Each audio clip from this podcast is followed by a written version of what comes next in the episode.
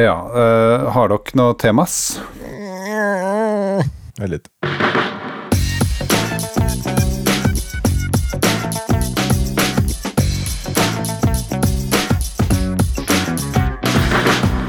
Du hører på Psykologlunsj, populærvitenskapelig lunsjprat med psykologene Tommy, Jonas og Jan Ole.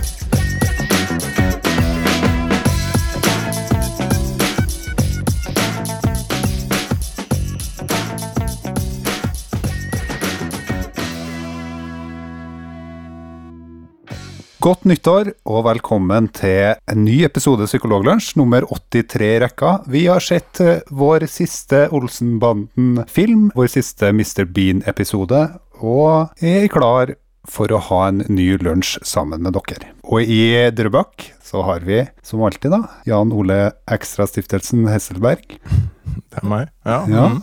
velkommen. Takk, takk, takk. Jeg har ikke sett uh, verken Mr. Bean eller Olsenbanden. Er det juletradisjon? Det er juletradisjon, ja. Det går jo konstant på TV2 Sebra. Julekanalen TV2 Sebra. Vi må jo introdusere vår tredje lunsjperson. Det er Eller eh, vår andre, faktisk, for jeg har ikke introdusert meg sjøl. Det er Tommy Mangerud. Han sitter på Melhus. Ja. Hallo. God dag, Jonas. God dag, ja. Og så er det meg, Jonas Våg. Jeg sitter i Malvik. Fikk dere noe bra til jul, eh, folkens? Um, jeg fikk ikke noe veldig spesielt. Det, eller det der gave og innkjøp av gaver før jul gjorde egentlig både meg og min bedre halvdel eh, Gjorde oss såpass mette på forbruk at vi valgte å ikke kjøpe gaver Ja. til hverandre. Oi. Mm, Såpass? Det gjorde vi. Ja. Det har skjedd før også. ja. Det har det, og det føles ikke som sånn veldig stort tap. Det gjør ikke det? Nei, det gjør faktisk ikke det. For da har du kanskje litt mer penger å bruke nå etter eh, jul. Ikke sant? Og det er jo viktig å holde økonomien i gang, så at å spe det litt utover, det er sikkert ikke så dumt. Det er jo det vi tenker, ikke sant? At Ja. eh, nå må vi veie opp for det fallet i forbruk eh, som kommer i uh, januar. Sant? Mm. Det er handelsstanden som er i våre tanker i jula. Har du litt sånn alternativ Black Friday òg, sånn at du, du arrangerer din egen Black Friday for å handle når prisene er på topp? Jeg handler som en gærning mandagen etter Black Friday. Nettopp for å hjelpe handelsstanden da, altså. ja, ja, men det er flott. Det er viktig at noen tar en for laget. Enn du, Tommy, fikk du noe bra? Eh, ja, jeg fikk noen bra ting, men det jeg la merke til i år, var at dere vet på en måte den der det går på en måte, kan tenke seg en sånn kurve som går liksom, hvor du har alder langs eh, x-aksen, og så har du fornøydhet på y-aksen, og så har du liksom en graf da over hvor glad man blir av å få ullsokker i eh, julegave. ja. Og så I starten så er jo det veldig kjipt, og så kommer det en sånn periode hvor du man kanskje sier på fleip eller noe sånt at eh, det er blitt litt mer stas å få ullsokker, fordi at det er kanskje litt sånn eh, ikke, ullsokk-hipster å tenke det. Men så har jeg gått skikkelig over i at det er faktisk veldig ok. Så sånn ordentlig ullugga Men eh, blir du sånn ekstatisk av det? Er det sånn som da du fikk Pleimo sjørøverskute da du var uh... Å, Pleimo sjørøverskute. det, å, det var helt vilt! ja, nettopp. Den fikk jeg da jeg var seks år gammel, nemlig. Og jeg har video av det, og da hadde jeg en, en, Ja. nesten et psykotisk gjennombrudd på stedet. Og jeg antar at Nei, ikke du ble ble så så glad som jeg ble da. Nei, men, men jeg kan tenke meg sånn altså det, det, det var veldig snedig at du sa det der Playmo-skipet, fordi eh, det var jo helt rått. Ja. Og det var en gave som varte i mange, mange år. Altså Mm. det, det var jo det var Ja. helt vilt. Og det kanskje man tenker om Olga òg. Hvis du er heldig, så varer de i mange, mange år. Så det er en sånn langvarig glede. Sant. Mm. Ja. Det er sant. Ungene mine de leker med Playmo sjørøverskuta mi fortsatt. Så det er jo ja, det samme her. gaver som varer. Samme her. Ja, helt vilt. Kjøp Pleimo, det er det som er det. eh, budskapet her. Det er den nye legoen. Den gamle, nye legoen. Det var det ungene fikk, var eh, en Pleimo cruiseskip. Mm. Det er det som er innholdet. Mm. Helt vilt. Men nå sier vi da det er 2017, og det er jo nå når vi skal høste fruktene av det vi gjorde i 2016. Skal vi det? Blant annet, det var jo ikke oss da, men det var jo noen amerikanere som valgte at eh, de ville ha en president som heter Donald Trump. Ja. Og det skal vi høste fruktene av nå i året her. Eh, og da blant annet så kan det Mm, ja. hende at vi ønsker å dra til Las Vegas. Besøke Trump International Hotel, for der driver de med gambling. Og for å holde økonomien i gang, så er jo gambling egentlig en sånn genial oppfinnelse.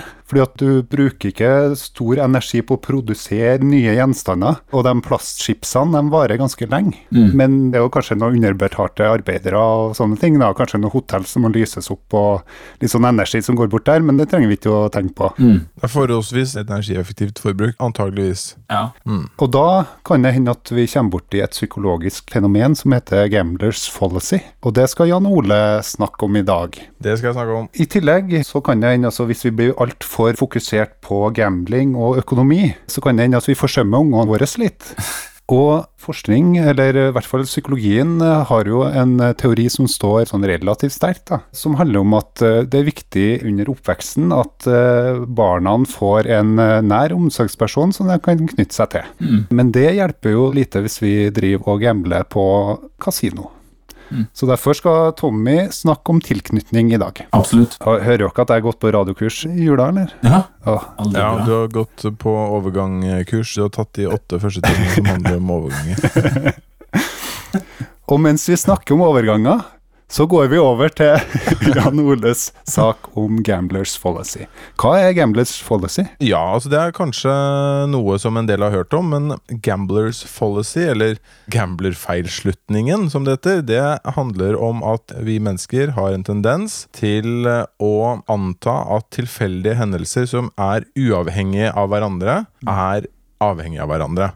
Så eksempel et myntkast, en serie med myntkast, er egentlig uavhengige hendelser. Det er ikke sånn at det, det første myntkastet i en rekke påvirker det neste myntkastet på noen som helst måte, men vi mennesker har en tendens til å føle at de henger sammen likevel. Så hvis vi kaster en mynt tre ganger, og så blir det kron på alle tre, så føler vi, i hvert fall en god del, føler at da er det på tide at det må bli mynt. mynt på det fjerde kastet. At det er sannsynligheten for at det skal bli mynt på det fjerde kastet, er litt høyere enn 50% som det egentlig er. Sant? Og dette er jo studert i flere sammenhenger, og det man ser på gamblingen, er jo at eh, hvis det har kommet, da f.eks. på rulett, har blitt rød tre ganger på rad, så har folk en eh, tendens til å satse hyppigere på svart. Selv om sannsynligheten, objektivt sett, ikke har endret seg noen verdens ting. Så, og selv om folk kanskje sier at de skjønner det, at de skjønner objektivt sett at eh, sannsynligheten ikke har endret seg, så handler de, eller de eh, atferden deres er som om den har endret seg. Og det er et veldig kjent eh, fenomen i psykologien. Men i fjor så kom det en artikkel som så litt nærmere på om vi kan finne igjen den samme type tendensen andre steder, i andre type beslutninger vi tar hvor kanskje det står mer på spill. Og bare, bare så jeg har sagt det med en gang, så er dette her Dette er en sak som ble diskutert i en podkast som heter Freakonomics. Så hvis du har hørt akkurat den episoden, som heter så mye som uh, How to make a bad decision, så kommer du til å kjenne igjen veldig mye derfra. Men du får det på norsk, da. Nå får du det på norsk, og det kommer antageligvis til å ta fullstendig av. Men i denne artikkelen så tittet de nærmere på avgjørelsene til eh, baseballdommere. Folk som skulle vurdere lånesøknader, og dommere som skulle vurdere asylsøknader. For å se om man kunne finne tendenser til at rekkefølgen på beslutningene og hvilke om serien av beslutningene påvirket eh, utfallet av beslutningene. Så jeg kan ta et eksempel da, for å synliggjøre det. Så eksempel hvis du har sittet og vurdert om du skal innvilge en lånesøknad eller ikke, eh, er det sånn at hvis du har innvilget tre på rad, så kommer det et sånn innslag av gamblers policy som sier at det kanskje bør jeg legge inn en søknad som ikke går inn nå. Ja. Så påvirker serien og bare rekkefølgen på disse utfallene, har det noe innvirkning på utfallet av en søknad, eller en vurdering. Ja. Så denne studien ser eh, nærmere på tre situasjoner, som sagt. Og aller først så, så de på baseballdommere. Der er det jo sånn at de vurderer om en ball er innenfor eller om den er utenfor en viss sone. Så når du kaster ballen, så kan du ikke Du må kaste innenfor en viss sone, sånn at det skal faktisk skal være mulig å treffe den for den som slår. Så du kan ikke kaste ballen bakover, f.eks. Du må kaste den i retning av den som faktisk skal stå der og slå. Og det er det en dommer som vurderer, og noen ganger så er det en sånn gråsonevurderinger. Noen er helt åpenbart inne, andre er helt åpenbart ute, men så er det en ganske stor gråsone hvor eh, dommere kan mm, vurdere om det er innenfor eller utenfor. Og det man så der, det var at hvis det var sånn at to kast ble vurdert som eh, strike, altså innenfor, og neste ball var i en sånn gråsoneområde, så var det 5,5% mer sannsynlig at den neste ikke ble vurdert som en strike. Og da kontrollerte de for en hel haug med faktorer, fordi alt mulig rart måles i baseball med sånne høyhastighetskamera og sånn, så de, de så på hva slags type kast det var, hvilken hastighet ballen hadde, ja, og en hel haug med faktorer som de kontrollerte for. Så det de fant ut, var at det faktisk så mye som 5,5% av de beslutningene var altså påvirket bare av rekkefølgen på de tidligere beslutningene. Ja. Hvor mange kast var det som var undersøkt? Ja, Det er jeg faktisk ikke helt sikker på, men vi kommer til eh, Det er ganske store mengder eh, data her. og for eksempel, eh, Når vi kommer til denne saken om dommere som vurderer asylsøknader, så var det faktisk 150 Ja. 000 avgjørelser de så på. Ja. Og jeg regner med at det er enda mer her i de baseball-avgjørelsene. Mm. Så, så tittet de også på vurdering av lånesøknader. Og det var et ganske interessant oppsett, fordi da var det en bank i India hvor lånesøknadene ble vurdert av to forskjellige vurderere, som fikk dem tildelt tilfeldig. Ja. Sånn at alle lån ble vurdert av to personer. Og i tillegg så hadde man data på hvordan det gikk med lånene etterpå, om de ble misligholdt eller ikke. Mm. Eh, Så du fikk på en måte en fasit på om det var en, en riktig avgjørelse eller ikke. Da, på en måte. Så de to fikk eh, søknaden i forskjellig rekkefølge? Eh, Ja, og det var ikke sånn at det var par som Nei. vurderte det. Så det var bare det at alle søknadene ble vurdert Ja. av to personer, men det var ikke sånn at man Nei. satt i par. Sånn Men, men de fikk det i ulik ja. rekkefølge, liksom? Mm. Ja, altså, de fikk ikke de samme søknadene. Så hvis du og jeg var med her, så jeg hadde vært lånevurderere, så hadde det ikke vært sånn at okay. Jeg hadde fått de samme søknadene som eh, Skjønner. deg. Ikke sant? Ok, så det de hadde informasjon eh, om, det var da altså vurderingen av disse lånene fra to personer, og hva som skjedde i forkant av eh, disse vurderingene. Om de hadde innvilget lån eller ikke. Og det de fant ut, det var at eh, hvis du hadde hatt tre lånesøknader som du hadde innvilget først, så var det 8% mer sannsynlig at den fjerde ble avslått. Mm. Så bare denne rekkefølgen påvirker da altså i ganske stor grad raten med innvilgelse. Ja. Så vi føler på en måte at vi må liksom rette opp det vi har gjort. Vi føler litt grann at vi må skape en balanse i disse vurderingene våre. Mm. Og en lånesøknad er jo tross alt Det betyr jo noe for folk. Det er ikke uvesentlig. Mm. Det er en ting som jeg kanskje ikke har tenkt over at det nødvendigvis handler direkte om gamblers policy eller en avart av det, men eh, en ting jeg har eh, innført hos meg sjøl som eh, egen justis, er når jeg retter eksamensoppgaver på høyskolen eller universitetet for studenter som har levert inn eksamen, så oppdager jeg sjøl at, eh, at jeg ikke stolte helt på mine vurderinger når jeg hadde gått gjennom eksamensoppgavene én gang. Du har jo sensurveiledning osv., ikke sant? Mm. Og den er er relativt ok, men så liksom syns jeg at eh, jeg måtte nødt til å ta en ekstra kikk på det når jeg var ferdig, da. Og da gjerne i en annen rekkefølge. At du på en måte går gjennom de her oppgavene en gang til i en annen rekkefølge. For der kan jeg kjenne igjen akkurat den samme greia. At liksom når du hadde så liksom eh, hadde sånn Er det en C eller er det en D, og du har liksom gitt eh, C flere ganger, da, bikka den veien, så får du liksom eh, lyst til å veie opp med en D, og så er det bedre å gå igjen med en gang til og sjekke om eh, ville du gjort det samme neste gang. Mm. Mm.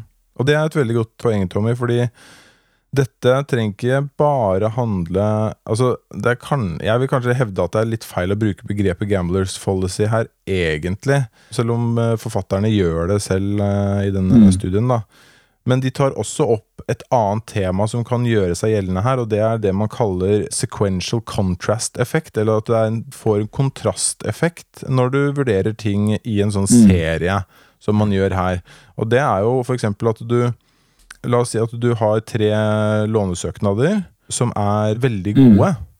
Så flytter du på en måte listen for hva Når du ser hvor god en lånesøknad kan være, så flyttes listen egentlig for hele skalaen din.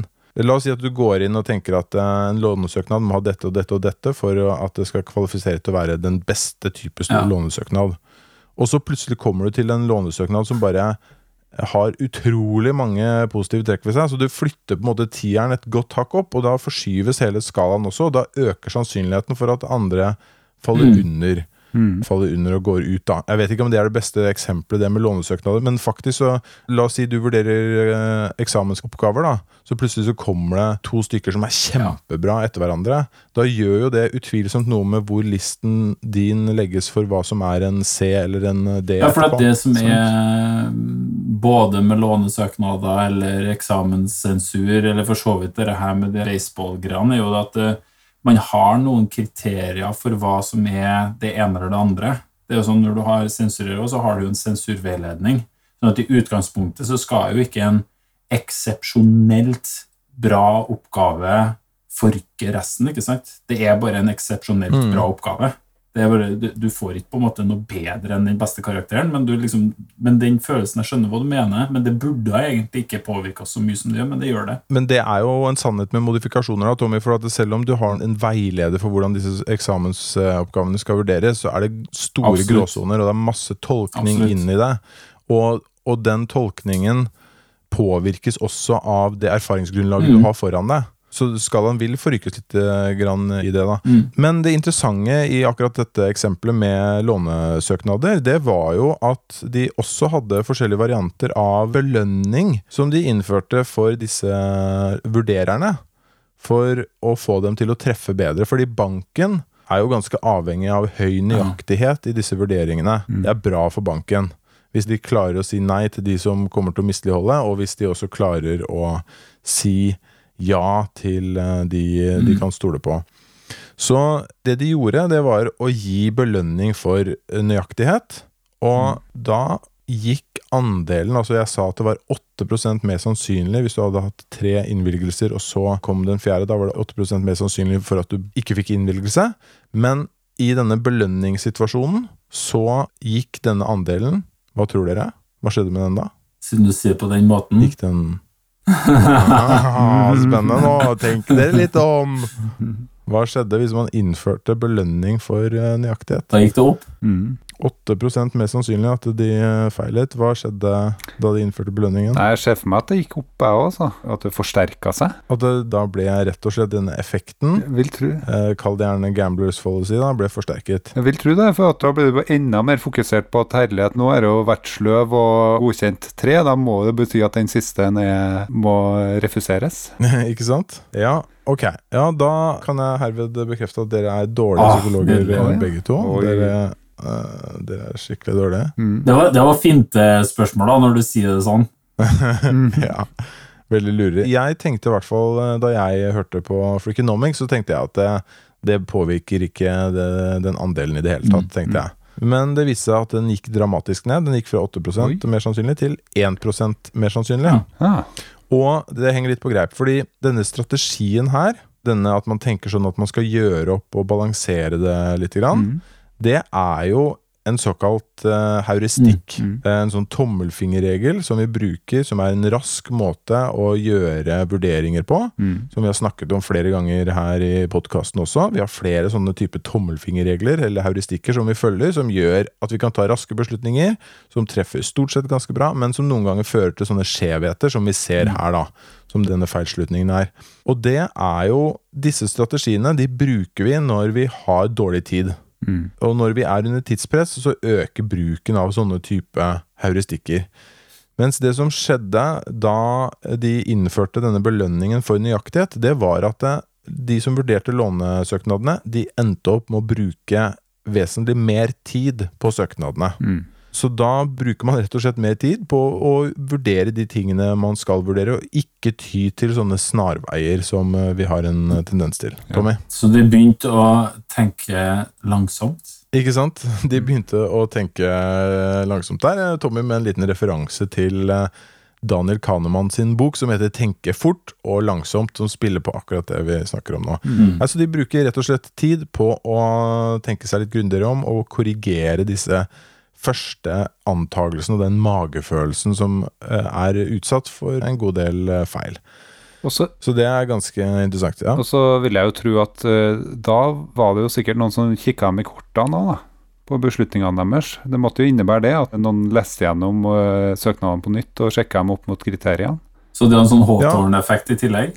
Ja Ikke, det kan godt være. Nå, nå er jeg ikke finstudert det. Det kan jo være bare at det ble matcha opp mot om det faktisk eh, lånet ble misligholdt eller ikke. Mm. Men de fikk nå i hvert fall belønning for å være nøyaktig, så de Mm. var jo liksom klar over at noen kom til å sjekke det. ja. Så det var et interessant eh, funn. Men til slutt så så de jo også på dommere som vurderte asylsøknader. Og det syns jeg måtte spare den til slutt, selvfølgelig. For det er jo passe aktuelt her i Norge i dag også. For hvordan Det har jeg tenkt veldig mye på. Hvordan vurderes egentlig de søknadene, og hvilke menneskelige feil er disse eh, som sitter og vurderer disse søknadene, utsatt for. Det er jo ingen tvil om at eh, de også er mennesker, og selv om kanskje politikerne noen ganger fremstiller det som en sånn enten-eller-sak, så er det jo helt åpenbart ikke det. Mm. Masse informasjon man mangler, så til syvende og sist så er dette i veldig stor grad, antar jeg, beslutninger som tas på intuisjon. Mm. På grunn av manglende data, rett og slett, på de som skal uh, vurderes. Det har man jo hatt en kjempestor debatt om aldersvurderingene av asylsøkere, Mm. som baserer seg delvis på sånne håndanalyser som er ekstremt unøyaktige, men de brukes likevel. Ok, så det var et lite sidespor, men det de så på var altså 150 000 dommeravgjørelser som var eh, amerikanske, og de tok bare med dommere som hadde hatt minst 100 avgjørelser. Så erfarne. Ja, ikke sant? Så de tok eh, med eh, Det var til sammen 357 dommere som hadde hatt minst 100 sånne avgjørelser. Og de så, bare for å beskrive litt sånn hvor stor forskjellen var delvis, så fant de i New York i en periode som hadde tre dommere som innvilget asylsøknader i over åtte av ti tilfeller, altså i over 80% av tilfellene, mens det samtidig var to dommere som innvilget færre enn én av ti. Mm. Ja. Og dommerne fikk disse sakene tildelt tilfeldig, så det skulle i prinsippet ikke være noen forskjell, men det var såpass stor spredning i de vurderingene. Det er jo ekstremt kritisk hvis du da er en asylsøker som havner da enten hos eh, den 10 eh, en av de 10 %-dommerne, Mm. så er sannsynligheten din altså nesten åtte ganger mindre enn de som eh, havner i den 80 %-gruppa. Ja. Så det er ganske kritisk. Ja. Men de så i hvert fall på disse sakene, og de så som sagt nok en gang etter. Er det sånn at de beslutningene som er tatt før din beslutning, påvirker om du blir innvilget eh, asyl eller ikke? Og det de fant, det var at det gjorde det. Mm. Og at, bare for å ta et eksempel Hvis eh, du hadde hatt to saker før din sak som ble innvilget, og som fikk asyl i løpet av samme dag, så ville din sannsynlighet for innvilgelse falle med 5 Ja. Og det høres kanskje ikke spektakulært mye ut, men 5% er ikke ubetydelig. Og vi må huske på at her har de kontrollert for alt mulig annet rart, alle mulige andre faktorer. Så dette handler bare om eh, dette utslaget de sakene før har fått. Mm. Og tenk det, du kommer til et eh, land, og dette er en enten-eller-beslutning. Enten får du bli, eller så må du ut. Du har ikke en lang runde med en hel haug av vurderinger som kan gjøres på nytt. Du må få bli der, eller så må du ut. Tommy? Det her vet du kanskje ikke, for det står sikkert ikke i men vet du noe om hvor mye sånn eh, tempo er det på saksgangen på de her? Altså Når du sier tre på rad, så er det sånn at de sitter en dag og vurderer ti saker, eller beslutter ti saker, eller hvordan, eh, hvordan er det? For det blir sittende og tenke på når du sier det, da er det litt sånn eh, Åh, det er bra ikke vi, vi har det samme liksom, rullebåndsgreia på uh, avgjørelse om folk skal få uh, livsvarig fengsel eller, uh, eller i plasser hvor man henretter folk liksom, som dødsstraff. Ja, altså at man bare, ikke sant? For der, Du har jo saker hvor du setter skikkelig inn en sak og du ikke driver på med noe Mm, annet i mm. flere Ja, ja. uker. ikke sant? Ja. Eh, Men jeg bare lurte på hvor mye tid får de på de sakene her? Hvor Sitter de er- med en svær bunke som de skal ta før lunsj, eller hvordan er det? det er ikke, Det er- jeg regner ikke med at du vet det, men det var bare interessant å tenke på. Nei, det er jo selvfølgelig noe som antageligvis spiller en rolle, det også. Mm. Det vet vi for øvrig at det spiller en rolle. Vi har snakket om den studien her før også. Men Ja. Det ble gjennomført en studie på israelske dommere som vurderte prøveløslatelser, da man så på eh, 1200 vurderinger, Mm. hvor man fant det at andelen som fikk innvilgelse, stupte i løpet av dagen fram til lunsj, og så var den oppe igjen i- en ganske høy innvilgelsesgrad rett etter lunsj, og så stupte den igjen mot, eh, mot slutten av dagen. Ja. Fordi man antar at eh, dommeren på en måte blir sliten, og at i det tilfellet der var det sånn at dommerne fikk mer jobb å gjøre hvis de innvilget en prøveløslatelse. Da måtte de skrive litt papirer og sånn, så antar man at når man blir sliten, så da orker man ikke å ta det vanskelige valget som en innvilgelse av prøveløslatelse var for dem. da. Så faktisk så var det sånn at på begynnelsen av dagen så var innvilgelsen på 70 og på slutten av dagen så var den på 0 Ja. så det var ganske stor eh, forskjell. Men det kontrollerte de for i dette tilfellet med asylsøknaden. Ja, akkurat. Ja, for det var det Ja. jeg tenkte på. Den tingen så tenkte jeg på den der med, som kikker på om eh, hvorvidt folk må nødt til å gå på do, om de eh, må nødt til å tisse når de skal ta, Ja. ta avgjørelser av det, og så påvirke hvordan, hvordan det foregår da. Ja, fordi det Tommy refererer til er en studie som viste at eh, egentlig beslutningene blir bedre hvis du er tissetrent. Ja. Men eh, det tviler jeg på at de kontrollerte for her. Uansett så er poenget ditt ganske godt, da, Tommy. Altså, hvor høyt tempo er det på disse vurderingene? Og det vet jeg ikke helt, Mm. men uh, det virker som at de ikke er sånn kjempehøye, faktisk. Siden de henviser til det faktum at uh, hvis man hadde to saker samme dag som ble vurdert før deg, det ganske vanlig at man ikke har hatt to saker før sin vurdering. Mm. Skjønner du? Ja. Uh, Og da tenker jeg at da er det ikke vanlig å ha 50 saker på en dag. Nei. Nei.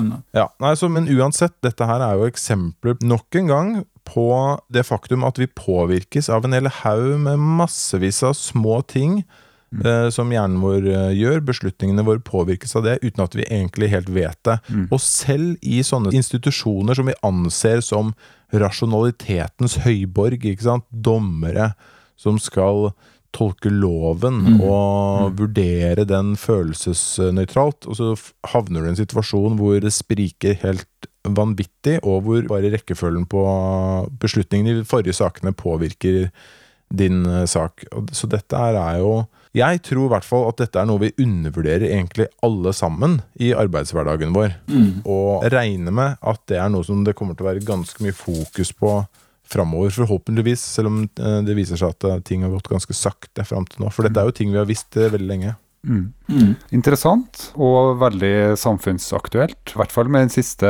delen av studien som du tok opp, Jan Ole. Det å drive på med gambling, som dette her ikke var nødvendigvis et studie på, da. Eh, Det Er det overgangs... Det er overgangstid. Nei, det, det er ikke overgang. Jeg tror vi bare går over til, til tilknytningssaken til Tommy, gjør vi. Eh, Hva, Uten tilknytning til den forrige saken i det hele tatt. den har ikke noe tilknytning til forrige sak. Apropos tilknytning, derfor eh, går vi over til tilknytningssaken til Tommy Mangerud.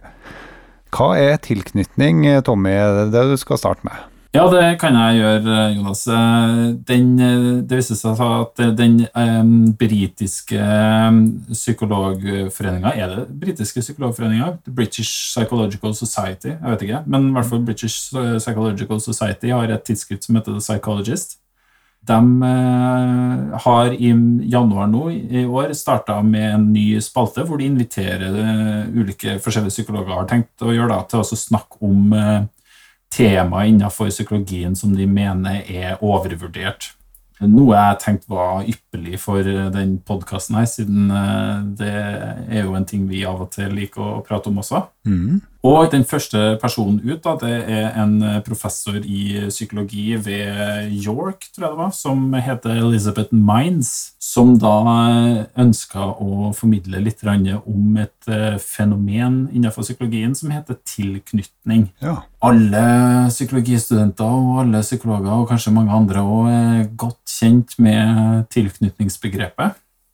Og det er jo et av de mer sentrale psykologiske begrepene eh, som har sprunget ut av en av de mer klassiske psykologiske eksperimentene, Mm. eh, som heter The Strange Situation. Um, Hva går det ut på eh, sånn i korte trekk, Tommy? ja, I korte trekk så går det ut på at uh, på slutten av 60-tallet, tror jeg det var, så var det en psykolog som heter Mary Ainsworth, som eh, belyste at barn kunne ha ulik type tilknytningsstil til sine foreldre, eller sånn som det ofte blir eh, presentert, og så er det mor. Så det er mødre som brukes her. da. Så det det handler om, det er hvor trygg er det barna er på sin mor egentlig i situasjoner hvor det kan eh, oppstå noe uventa.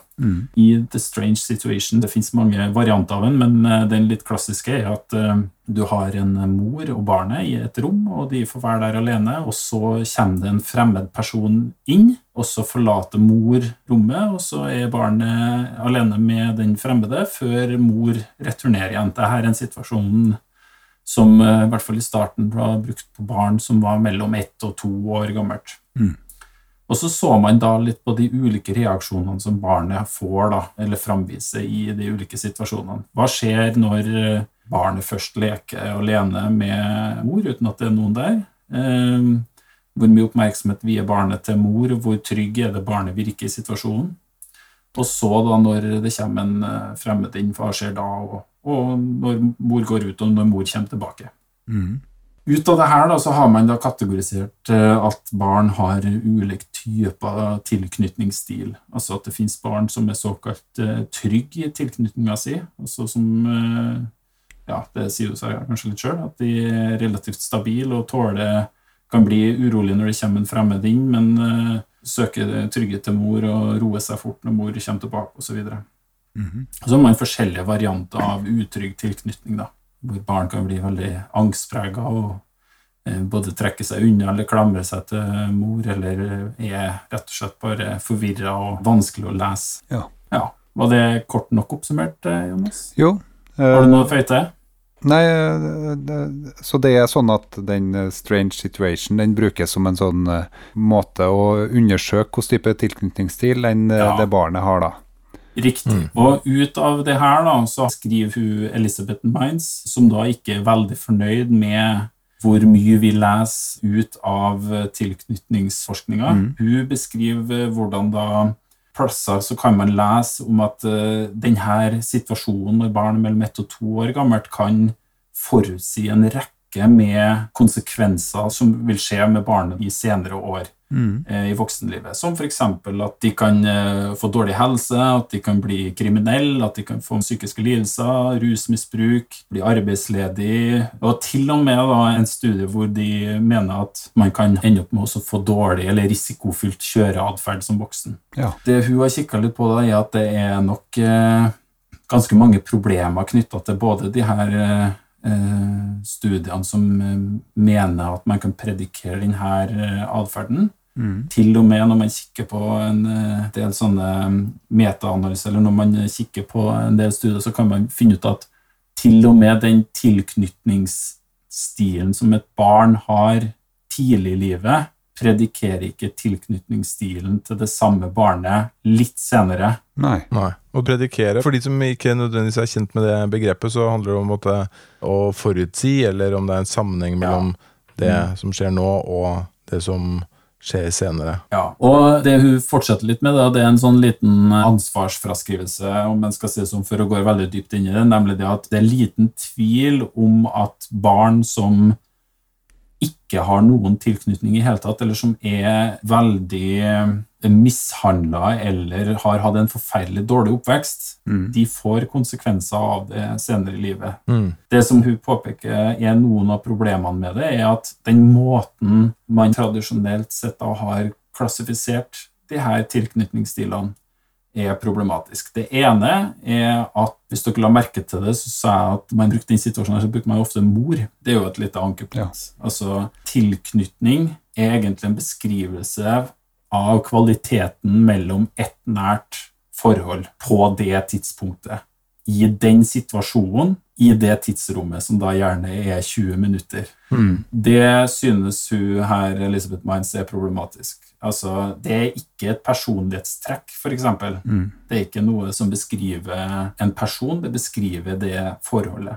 Ja, ikke sant? Det personlighetstrekk det beskriver jo Da skal du si noe om hva er ditt typiske reaksjonsmønster i, i denne type situasjon. Så da blir det et slags gjennomsnitt da, av uh, dette er typisk for meg å gjøre i en sånn type situasjon. Mens Ja, tilknytning, det måles jo i den situasjonen, som du det sier, bare i den situasjonen, med én bestemt fremmed, med én bestemt person som du skal knytte deg til, på et bestemt tidspunkt, hvor du kanskje nettopp har hatt et raseriutbrudd før du kommer dit, eller er kjempesulten, eller eh, gud veit hva, ikke sant. For- Så det er en del av Ja, kritikken. for ikke å snakke om at uh, man i The Strange Situation har jo forskjellige sånne fremmede personer som administrerer den type test. da. Så at det må jo være en sånn faktor om hvorvidt den uh, personen den, som kommer, den fremmede, da, også eh, oppleves trygg. ja. For det, Ja, men jeg tror det er sånn at de bruker den samme fremmede i alle oh, ja, Ja, men, men, men det, som, det som er Ja, ikke sant, for det som er jo at eh, Det sier vi jo også litt om. For det første så vet vi veldig lite Hun sier vi vet overraskende lite om det nettverket av tilknytningsrelasjoner til ulike personer, og hvordan det påvirker hvordan en person har det. Det er det veldig lite forskning som eh, man kan lese om.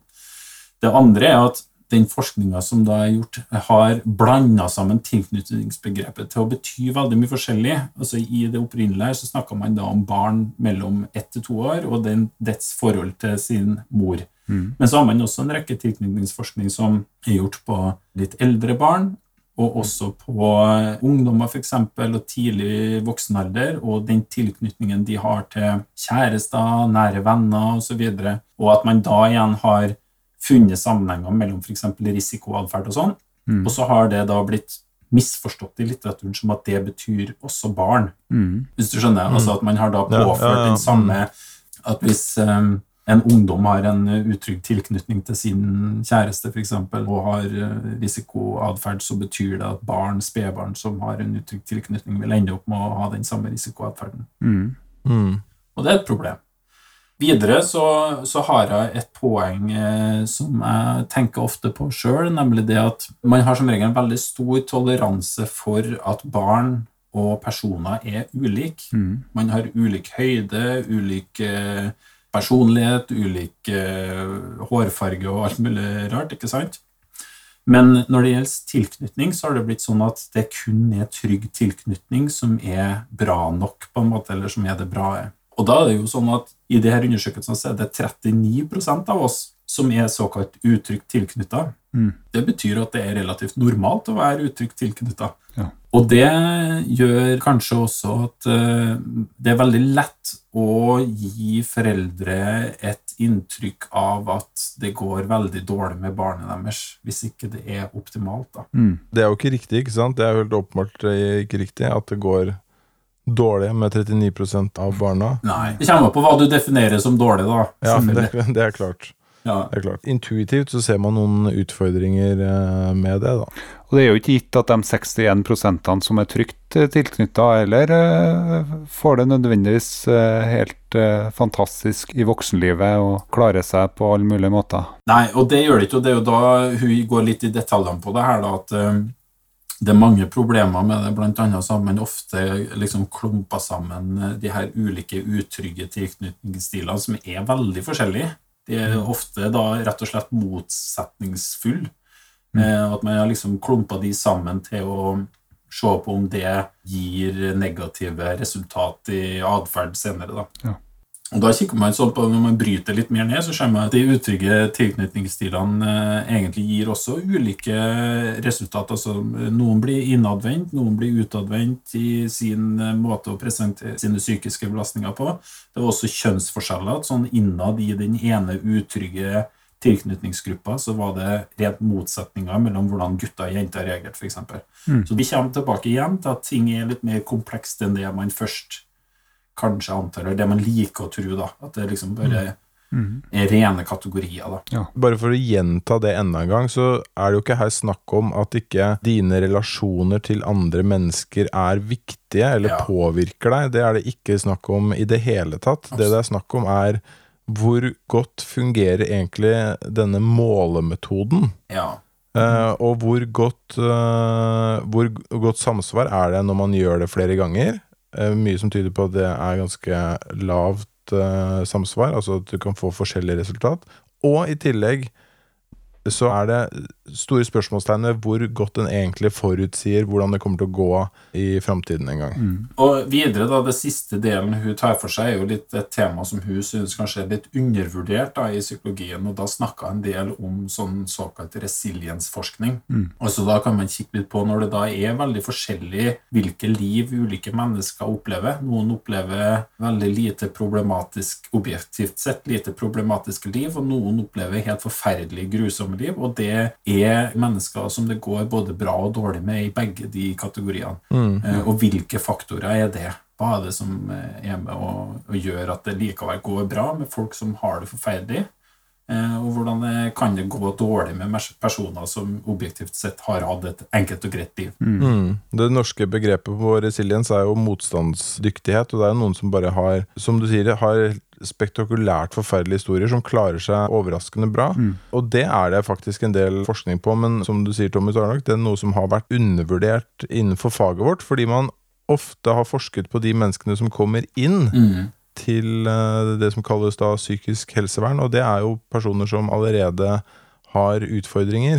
Så har man sett hva er det som er felles for disse som søker hjelp, og så har man sluttet at hvis de har opplevd samme type ting, så betyr det at det da er det en risikofaktor. Men sånn er det jo ikke, fordi man har jo aldri sjekket ut alle de som har opplevd det, og som har fått et helt annet utfall. Så det er jo det denne motstandsdyktighetsforskningen eller resiliensforskningen ser på. Det har jo blitt mye mer klar over de siste årene, i hvert fall. Og Det er jo derfor at man i forskninga nå undersøker eller snakker mye mer sånn nøyaktig om risikofaktorer og beskyttende faktorer, fremfor å Mm. si at altså, Kanskje har man vært litt sånn å snakke om tilknytning som en form for egenskap som forutsier noe i framtida. Eh, men det er ikke nødvendigvis sånn. Det er kanskje mer at det er en risikofaktor som vi er litt dårlige på å, å måle ennå. Eh, mm. Som kan Nettopp. si noe om risiko for noe, og da er det jo bare om hvorvidt eh, sannsynligheten er for at noe skjer i framtida, er litt høyere. Mm. Og så har det en beskyttende faktor som resiliens, da, som uh, sier noe om uh, kanskje redusere den risikoen. Men det jeg syns var kanskje det mest spennende med å ta for meg det temaet her i dag, er litt det her med at uh, på en måte så tenker jeg veldig ofte om psykologer som en gruppe mennesker som er veldig dyktige til å se hvor kompleks ting er, og hvor vanskelig det er å si noen ting for sikkerhet. Samtidig så har psykologien noen sånne øyer, oaser, på en måte innenfor fagfeltet, som hun her beskriver, hvor bare all logikk bare kortslutter. Med en gang man snakker om tilknytning, så er det liksom alt ok eh, av konsekvenser som det man antar det har. Og så er det kanskje ikke sånn. Og det er liksom beviset bare på at psykologer er også mennesker som gjør akkurat de samme menneskelige fellene som alle andre. Mm. Så denne spalten den ser jeg litt fram til å følge da, Mm. i de kommende månedene. Det blir veldig spennende. Den spalten må vi linke til i shownotesen våre, og legges ut på psykologisk.no. Ehm, jeg tenker at nå er opptaket vårt ved veis ende. Vi takker for at eh, du hører på oss også i 2017, selv om eh, 2016 kanskje ikke var det mest fantastiske året, men 2017, det blir et fantastisk år. Vi snakkes!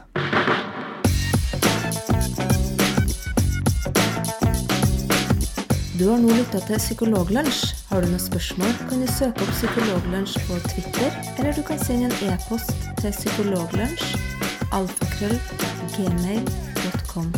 Mer informasjon om temaet du har hørt i dag, finner du på psykologibloggen.no og tankesmed.no.